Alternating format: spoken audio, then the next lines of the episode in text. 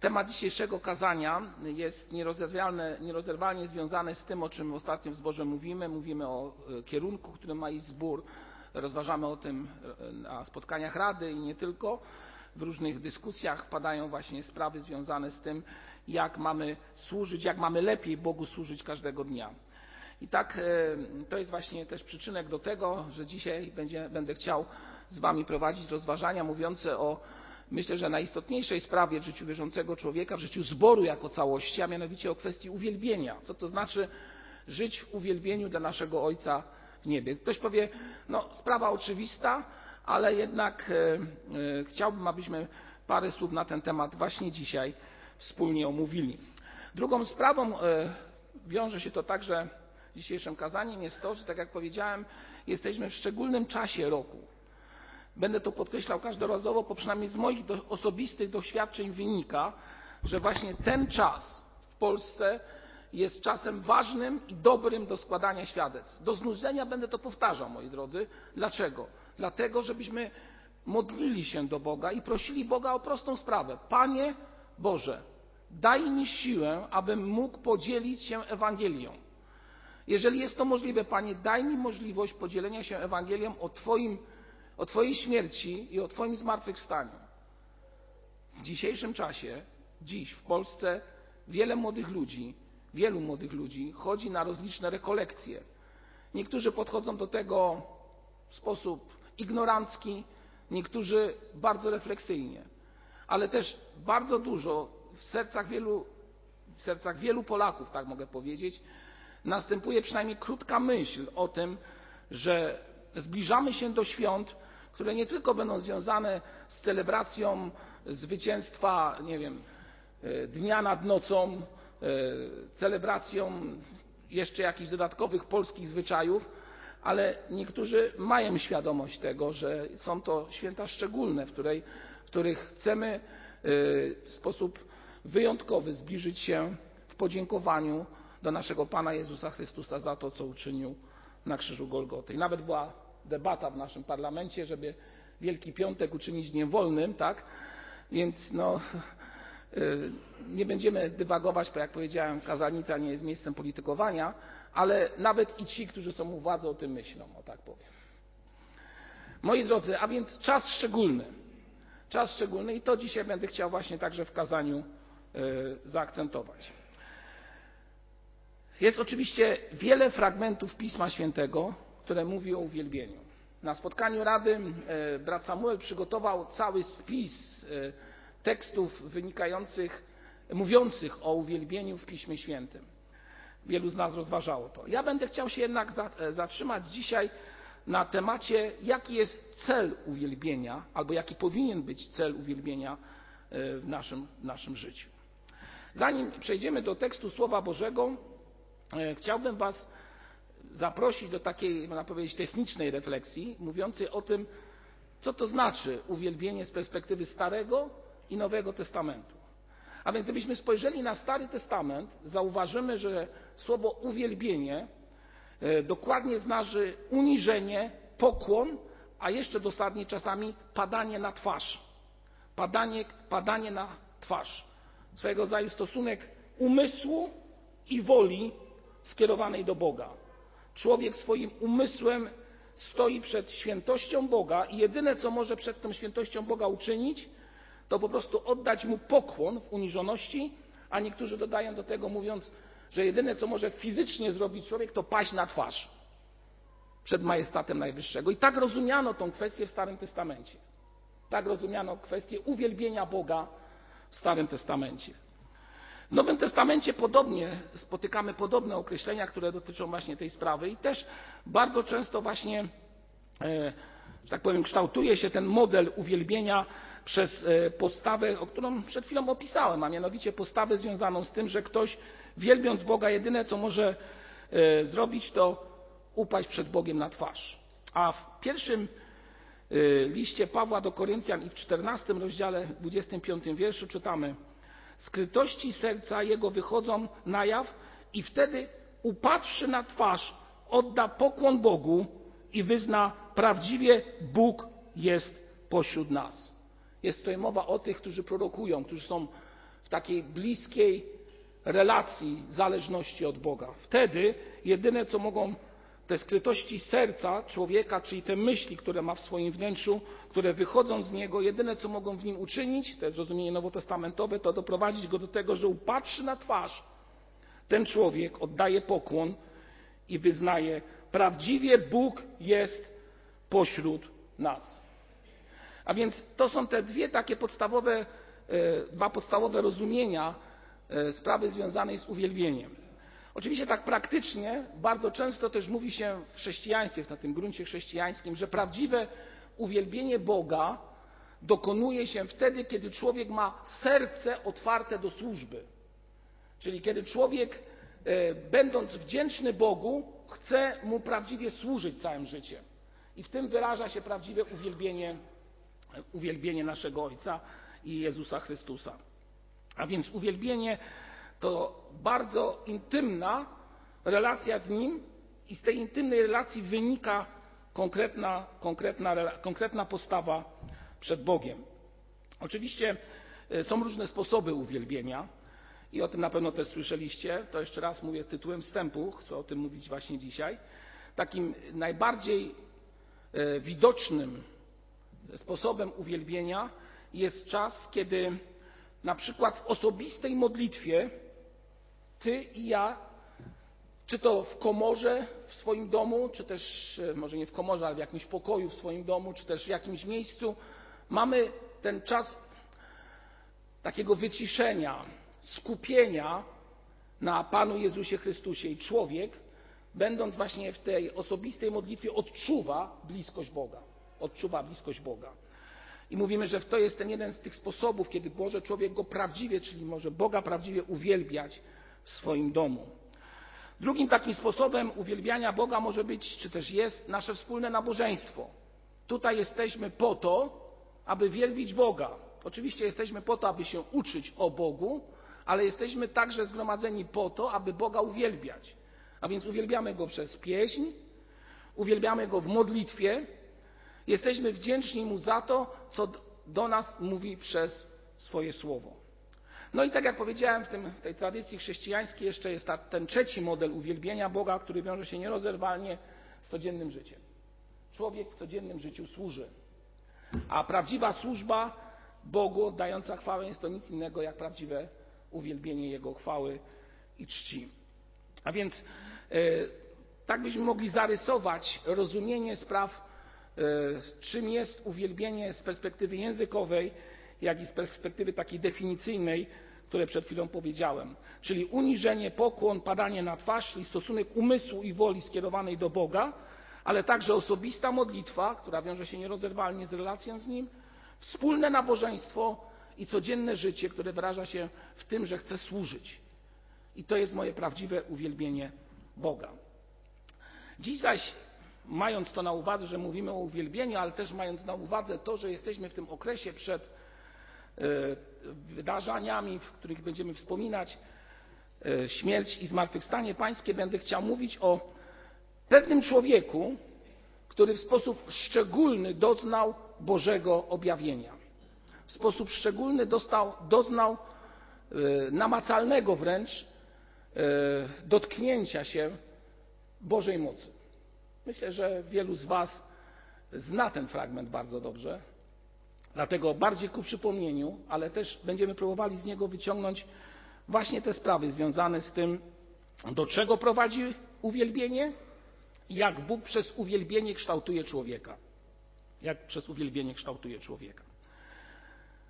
Księga Izajasza, rozdział szósty, wiersze od 1 do 8. Rozdział szósty, wiersze od 1 do 8. Księga Izajasza, rozdział szósty, wiersze 1 do 8. Czytamy tutaj takie słowa. W roku śmierci króla Uzjasza widziałem Pana siedzącego na tronie, wysokim i wyniosłym, a kraj jego szaty wypełniał świątynię. Jego orszak stanowiły serafy, z których każdy miał po sześć skrzydeł, dwoma zakrywał swoją twarz, dwoma zakrywał swoje nogi i na dwóch latał. i wołał jeden do drugiego: Święty, święty, święty jest Pan zastępów. Pełna jest wszystka ziemia chwały Jego. I zaczęsły się progi w posadach od tego potężnego głosu, a przybytek napełnił się dymem. I rzekłem: Biada mi, zginąłem, bo jestem człowiekiem nieczystych warg i mieszkam pośród ludu nieczystych warg. Gdyż moje oczy widziały króla, pana zastępów. Wtedy przyleciał do mnie jeden z serafów, mając w ręku rozżarzony węgielek, który szczypcami wziął z ołtarza i dotknął moich ust i rzekł: Oto dotknęło to Twoich warg i usunięta jest Twoja wina, a Twój grzech odpuszczony. Potem usłyszałem głos Pana, który rzekł: Kogo poślę i kto tam pójdzie? Wtedy odpowiedziałem: Oto jestem, poślij mnie. Piękny fragment, mówiący o wielkości Boga i o postawie człowieka. Czyli fragment, który dotyczy Ciebie i mnie. Ciebie i mnie. Wielkość Boga i w tej w konfrontacji wielkości Boga człowiek, który staje przed tym Bogiem i widzi coś, co jest nieodgadnione, niepojęte, a właściwie tylko widzi część tej chwały, bo jak czytamy tutaj, kraj szaty jego wypełniał świątynię. A więc możemy powiedzieć, że raczej Izajasz nie widział pełni obrazu Boga, tylko widział część tego obrazu. A jednak był poruszony do głębi. Posłyszał rzeczy, które były, które są nieziemskie, tak bym powiedział. Nie rzeczywiste, niespotykane codziennie. Izajasz zobaczył Pana w Jego majestacie i w czym jeszcze? W świętości. Zobaczył Pana, tak jak czytamy tutaj, który siedział na wysokim tronie i to był tron wyniosły. W tym momencie Izajasz uświadomił sobie bardzo istotną sprawę, a mianowicie, że znajduje się w obecności Bożej. I to jest pierwsza myśl, która wiąże się z tym tematem dzisiejszym.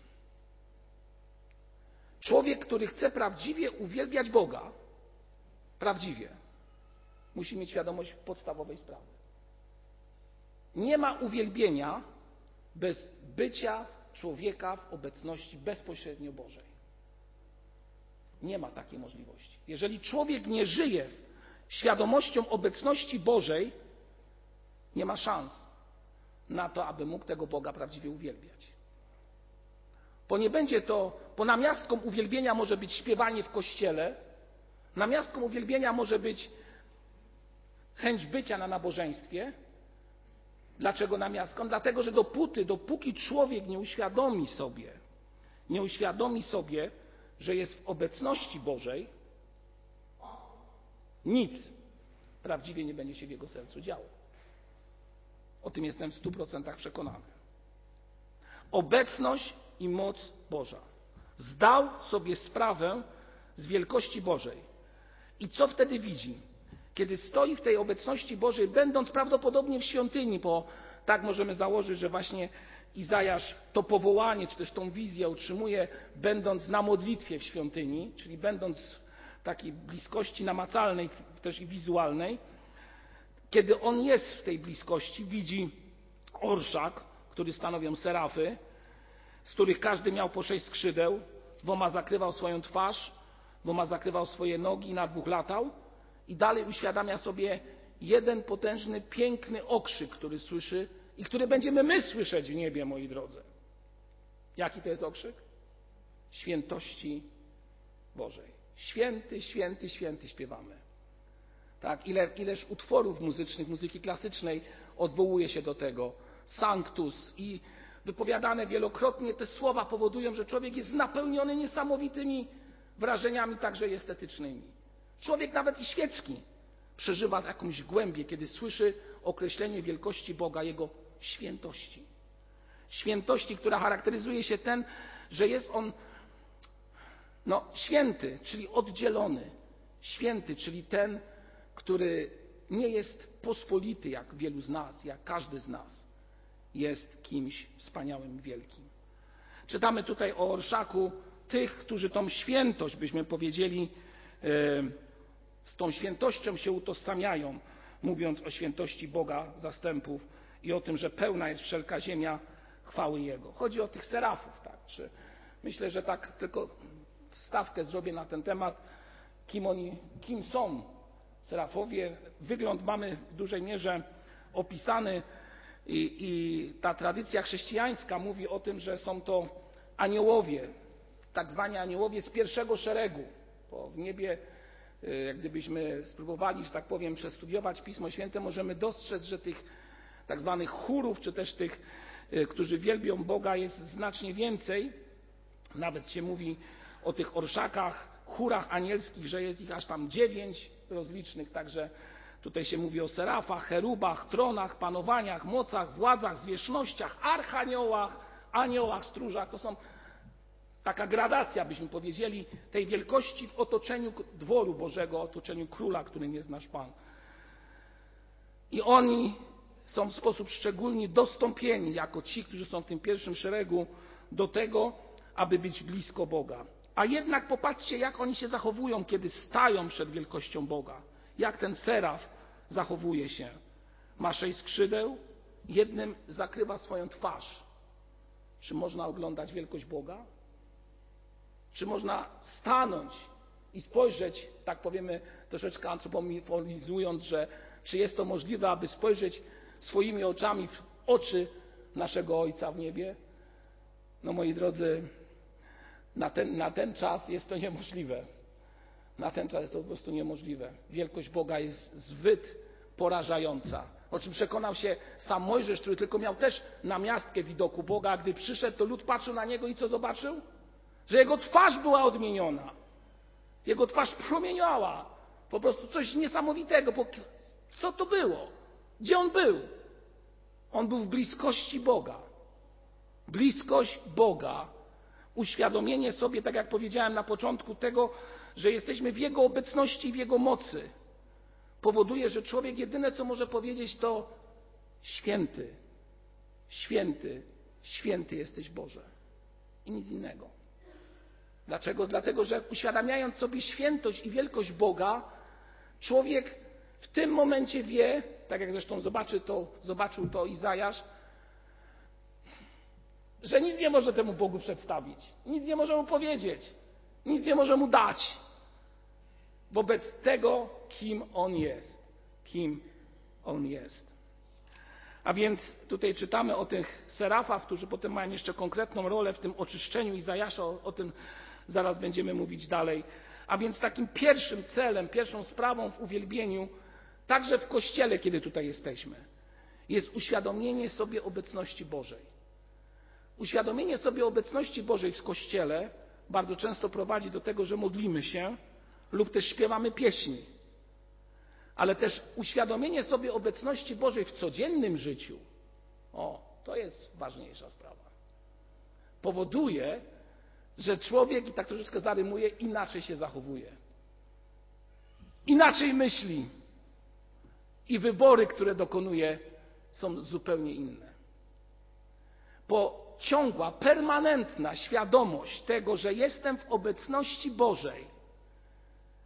Jeszcze raz powtórzę. Ciągła świadomość tego, że jestem w obecności Bożej. Jedyne, co może doprowadzić, jeżeli do tego szczerze podchodzimy, to powoduje, że człowiek będzie inaczej myślał, a nawet jeżeli będą przychodzić jakieś złe myśli, będzie je odrzucał, będzie chciał realizować w swoim życiu inną postawę w mowie, w czynie i w wyborach. Moi drodzy, bardzo konkretne pytanie. Jesteś w pracy. Nie wiem, jesteś na emeryturze. Masz teoretycznie dużo wolnego czasu. Czy mamy świadomość obecności Bożej? We wszystkim. W tym, jak wykonuję pracę, w tym, jak się rozliczam w pracy, o czym mówię w pracy, o czym mówię w domu, jak się wypowiadam. Moi drodzy, czy zdajemy sobie sprawę z tak zwanej rzeczy oczywistej, że nie ma możliwości w codziennym życiu ucieczki od Boga?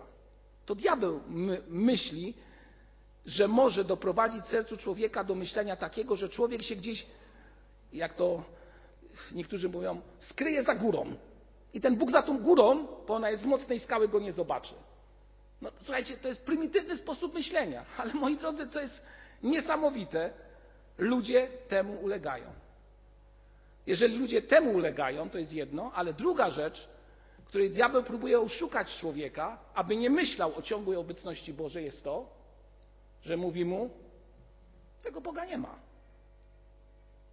Po co masz się bać Jego obecności, jak teoretycznie Go nie ma? Przecież Go nie widzisz. Więc jak masz ulegać, czy też trwać w tej obecności Bożej? To jest oszustwo diabelskie, moi drodzy, które, któremu ulegają ludzie i muszę Wam powiedzieć, często zastanawiam się nad tym, jak to jest, jak to jest w ogóle możliwe. No może to wynika z mojej takiej y, szczerej wiary, którą wierzę, że Pan Bóg kształtuje przez Ducha Świętego w moim życiu. Jak to jest w ogóle możliwe, że człowiek może żyć, że człowiek może zbliżyć się do końca swojego życia i zakończyć to życie bez Boga, bez nadziei. To jest trudne do pomyślenia. Kto daje siłę człowiekowi do tego, aby dokonał takiego wyboru? Jaki, jakie oszustwo musi być włożone do głowy człowieka, że on ulega takiej postawie? Ostatnio odeszła y, z tej ziemi sąsiadka, nasza sąsiadka mieszkająca koło nas. Młoda kobieta przed pięćdziesiątką bardzo dobrze wykształcona, na bardzo, bardzo wysokim kierowniczym stanowisku. Zaczęła chorować. Chorowała przez pięć lat. Przez pięć lat. Tracąc z każdym rokiem coraz więcej siły, tracąc pozycję w banku, tracąc pozycję materialną, tracąc pozycję fizyczną, z każdym rokiem było coraz słabiej. Przez pięć lat się o nią modliłem, każdego dnia. O to, aby Pan Bóg dał mi siłę do tego, aby z nią móc porozmawiać o tej sprawie, o świętości i wielkości Boga. Miałem tylko raz taką możliwość. A jednak wybór jej był, że nie chciała tego przyjąć. Pojechałem na jej pogrzeb, który odbył się na powązkach wojskowych. I wiecie, co było najstraszniejsze w tym wszystkim? To jest do dzisiaj porażające. Tłum ludzi, tłum. Nie mieściliśmy się na zewnątrz. No po prostu, bo to kobieta, jak powiedziałem, szanowana w tej rzeczywistości. Mistrz ceremonii. I jedyne, co słyszałem, dobrze żyła, była ofiarna, prowadziła, wszystko się skończyło. Nie ma nadziei. Może wierzcie mi, że do dzisiaj słyszę te słowa. Wszystko się skończyło. Dobrze żyła. Ludzie są oszukiwani, aby nie żyć w bliskiej relacji z Bogiem. I to robi diabeł. Nie ulegajmy temu oszustwu, bo tylko bliska relacja z Nim doprowadza do tego, że jesteś w stanie powiedzieć: Święty jesteś Boże. I jesteś prawdziwie w stanie Go uwielbić ze szczerego serca. A więc pierwszym celem, tak byśmy powiedzieli, uwielbienia jest to, aby ten, który chce Boga uwielbiać, zdał sobie sprawę z tego, że jest w obecności Bożej mocy i doskonałości Boga. Nie ma prawdziwego uwielbienia, jeżeli nie ma tej świadomości w naszym życiu. Nabożeństwo, wieczerza pańska są takimi chwilami, gdy człowiek może w sposób szczególny przybliżyć się i być w tej obecności Bożej. Drugą sprawą, którą chciałem tutaj podkreślić w nawiązaniu do Izajasza i w kontekście uwielbienia, Izajasz, kiedy stał przed Bogiem, w tej wizji przed Bogiem, odkrył, kiedy stał przed Bożą świętością, odkrył, już o tym częściowo mówiłem, swoją grzeszność. Zobaczył siebie. Moi drodzy, ci, którzy prawdziwie uwielbiają i są w relacji z Bożej, drugą sprawą jest to, że mogą zobaczyć, kim faktycznie są. Kim ja jestem, kim Ty jesteś przed Bogiem. I jaka była jego reakcja, kiedy to zobaczył? Wiersz piąty. Powiedział bardzo znamienne słowa: Biada mi, zginąłem. I teraz popatrzcie, dlaczego on mówi to słowo biada. On wymienia jeden rodzaj grzechu, z którym najwidoczniej miał problem. Albo jest tak istotny, abyśmy i my mieli z tym, z tą sprawą, no przynajmniej do pomyślenia albo do czynienia. On mówi: Zginąłem, bo jestem człowiekiem nieczystych warg. Popatrzcie, biada mi, bo jestem człowiekiem nieczystych warg. Zobaczcie, jakże słowa są istotne w byciu blisko Boga. Bo słowami wielbisz Go i co mówi Jakub? Słowami nawet czasami przeklinasz Boga, a nie tylko przeklinasz Boga, ale i ludzi. Jestem człowiekiem nieczystych warg i mieszkam pośród ludu nieczystych warg. A więc nigdy nie będziesz uwielbiał Boga i nie zobaczysz tego, co jest najistotniejsze, jeżeli nie staniesz w obecności Bożej i w tej obecności Bożej nie zobaczymy siebie, nie zobaczysz siebie takim, jakim jesteś.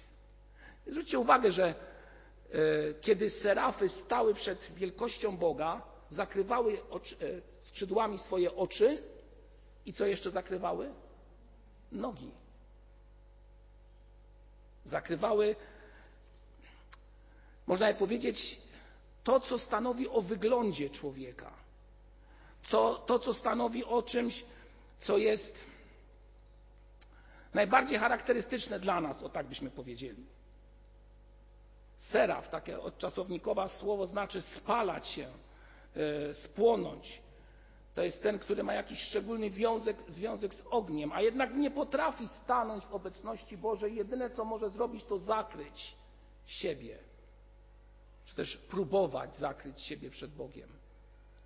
Bo co zna i co wie, kiedy ten seraf, a także zwykły człowiek, kiedy staje przed Bogiem i próbuje go uwielbiać. Powiem bardzo brutalnie. Człowiek, kiedy staje w obecności Bożej, uświadamia sobie jedną rzecz, że jest nagi przed Bogiem. Dosłownie, nagi przed Bogiem. To możemy sobie uświadomić, stojąc i uwielbiając naszego Ojca w niebie, uwielbiając Jego świętość i wielkość. A więc drugim celem uwielbienia jest to, aby człowiek, czy też pomoc, która wynika z tego, że człowiek prawdziwie chce wielbić i wołać Boga, jest to, że człowiek zobaczył siebie, zobaczył faktycznie, kim jest. I kolejna sprawa, która się z tym wiąże, człowiek, gdy uwielbia, kiedy jest w obecności Bożej, kiedy zobaczy, kim faktycznie jest, kolejną sprawą jest to, że człowiek zaczyna wyznawać przed Bogiem i prosić o przebaczenie. I prosić o przebaczenie. Bo bez tego po prostu nie mamy żadnych szans. Wtedy przyleciał do mnie jeden z serafów, mając w ręce rozżarzony węgielek, który szczypcami wziął z ołtarza i dotknął ust i rzekł: Oto dotknęło to Twoich warg. Zobaczcie, co tu jest napisane Przeczytajmy to głośno. I usunięta jest Twoja wina. Uwielbienie doprowadza do tego, że człowiek wyznaje, a Bóg usuwa winę każdego z nas. Niesamowite. Niesamowite. Tak działa właśnie nasz Pan w niebie. Oczyszcza, przebacza i wzmacnia człowieka.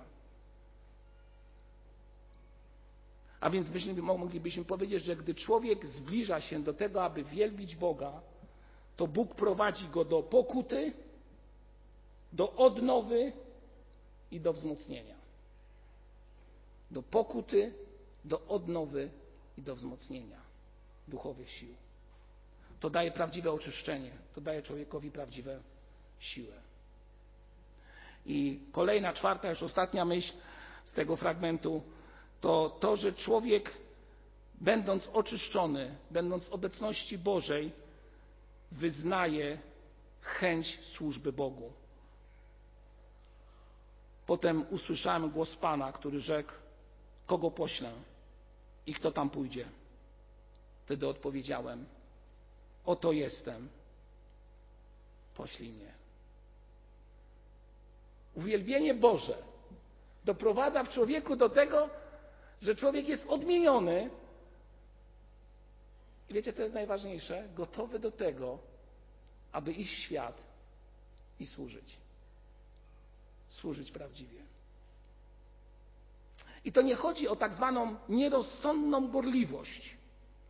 Bo niektórzy mówią, a jak ja jestem blisko w kościele, pracuję, służę, to będę miał taką szczególną gorliwość w służbie, tutaj zrobię, tutaj posprzątam, tam zrobię, tu pomogę i tak dalej.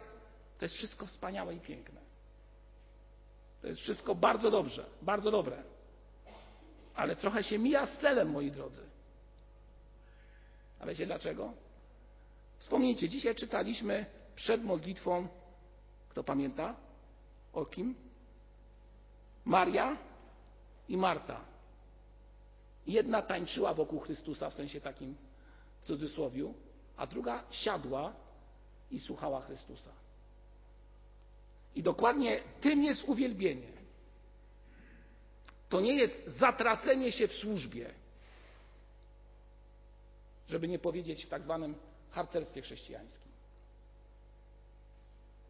To jest stanięcie przed Chrystusem w pokorze, świadomości, że jestem nagi przed Nim i jedyne co mogę, to prosić Go o przebaczenie. i usłyszeć wezwanie Chrystusa, który wzywa Cię do konkretnego działania, do konkretnej służby. Wiecie, co było, charakter, co było konsekwencją tego, że Izajasz uwielbiał Boga? Jeszcze raz powtórzę. Uświadomił sobie bliskość relacji z Bogiem i Jego świętość. Uświadomił sobie, kim jest uświadomił sobie swój grzech. I co było konsekwencją tego wszystkiego? Przeczytajmy ten wiersz ósmy jeszcze raz. Jak tam jest? Jakie tam słowa padają? A więc, kiedy to wszystko się stało, o czym powiedziałem, czytamy takie słowa. Potem usłyszałem głos Pana. To jest clue wszystkiego, sedno wszystkiego. Usłyszeć głos Pana, który możesz usłyszeć tylko i wyłącznie, kiedy trwasz przed Nim w uwielbieniu, kiedy jesteś w bliskości Jego, w oczyszczeniu przez Niego, w przebaczeniu grzechów. Wtedy słyszysz głos Pana przez Jego słowo dający Ci wskazanie w modlitwie, bo On mówi do Ciebie. Ale popatrzcie, ile się musiało wydarzyć różnych rzeczy, żeby Pan Bóg zaczął do niego mówić. To wcale nie było tak, że on przyszedł do świątyni i zaraz usłyszał głos Boży. Nie, on najpierw zobaczył świętość Bożą, potem zrozumiał, kim jest, potem dopiero zaczął wyznawać, potem mu przebaczono i dopiero zaczął Bóg do niego mówić. Tak to działa, moi drodzy. Bo Pan Bóg to nie jest tak, że ja już, Panie, mów do mnie, bo ja jestem gotowy. Jak to w dzisiejszym świecie e, przychodzi jakieś doświadczenie w gronie rodzinnym i nagle ludzie zaczynają się modlić. Wczoraj był ateistą, a dzisiaj się modli. Wczoraj, a po co mi Pan Bóg? Impreza, hulanki, swawole, a jutro się modli, bo jest potrzebny, tak? I teraz, jak ja się modlę, Panie Boże, taki człowiek mówi, to ja, proszę tu, zobacz, jaki jestem pokorny. Stanięcie przed obliczem Bożym.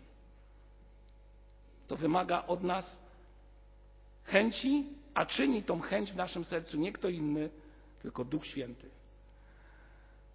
A więc prawdziwe uwielbienie rozpoczyna się wtedy, kiedy poddajesz swoje życie Bogu.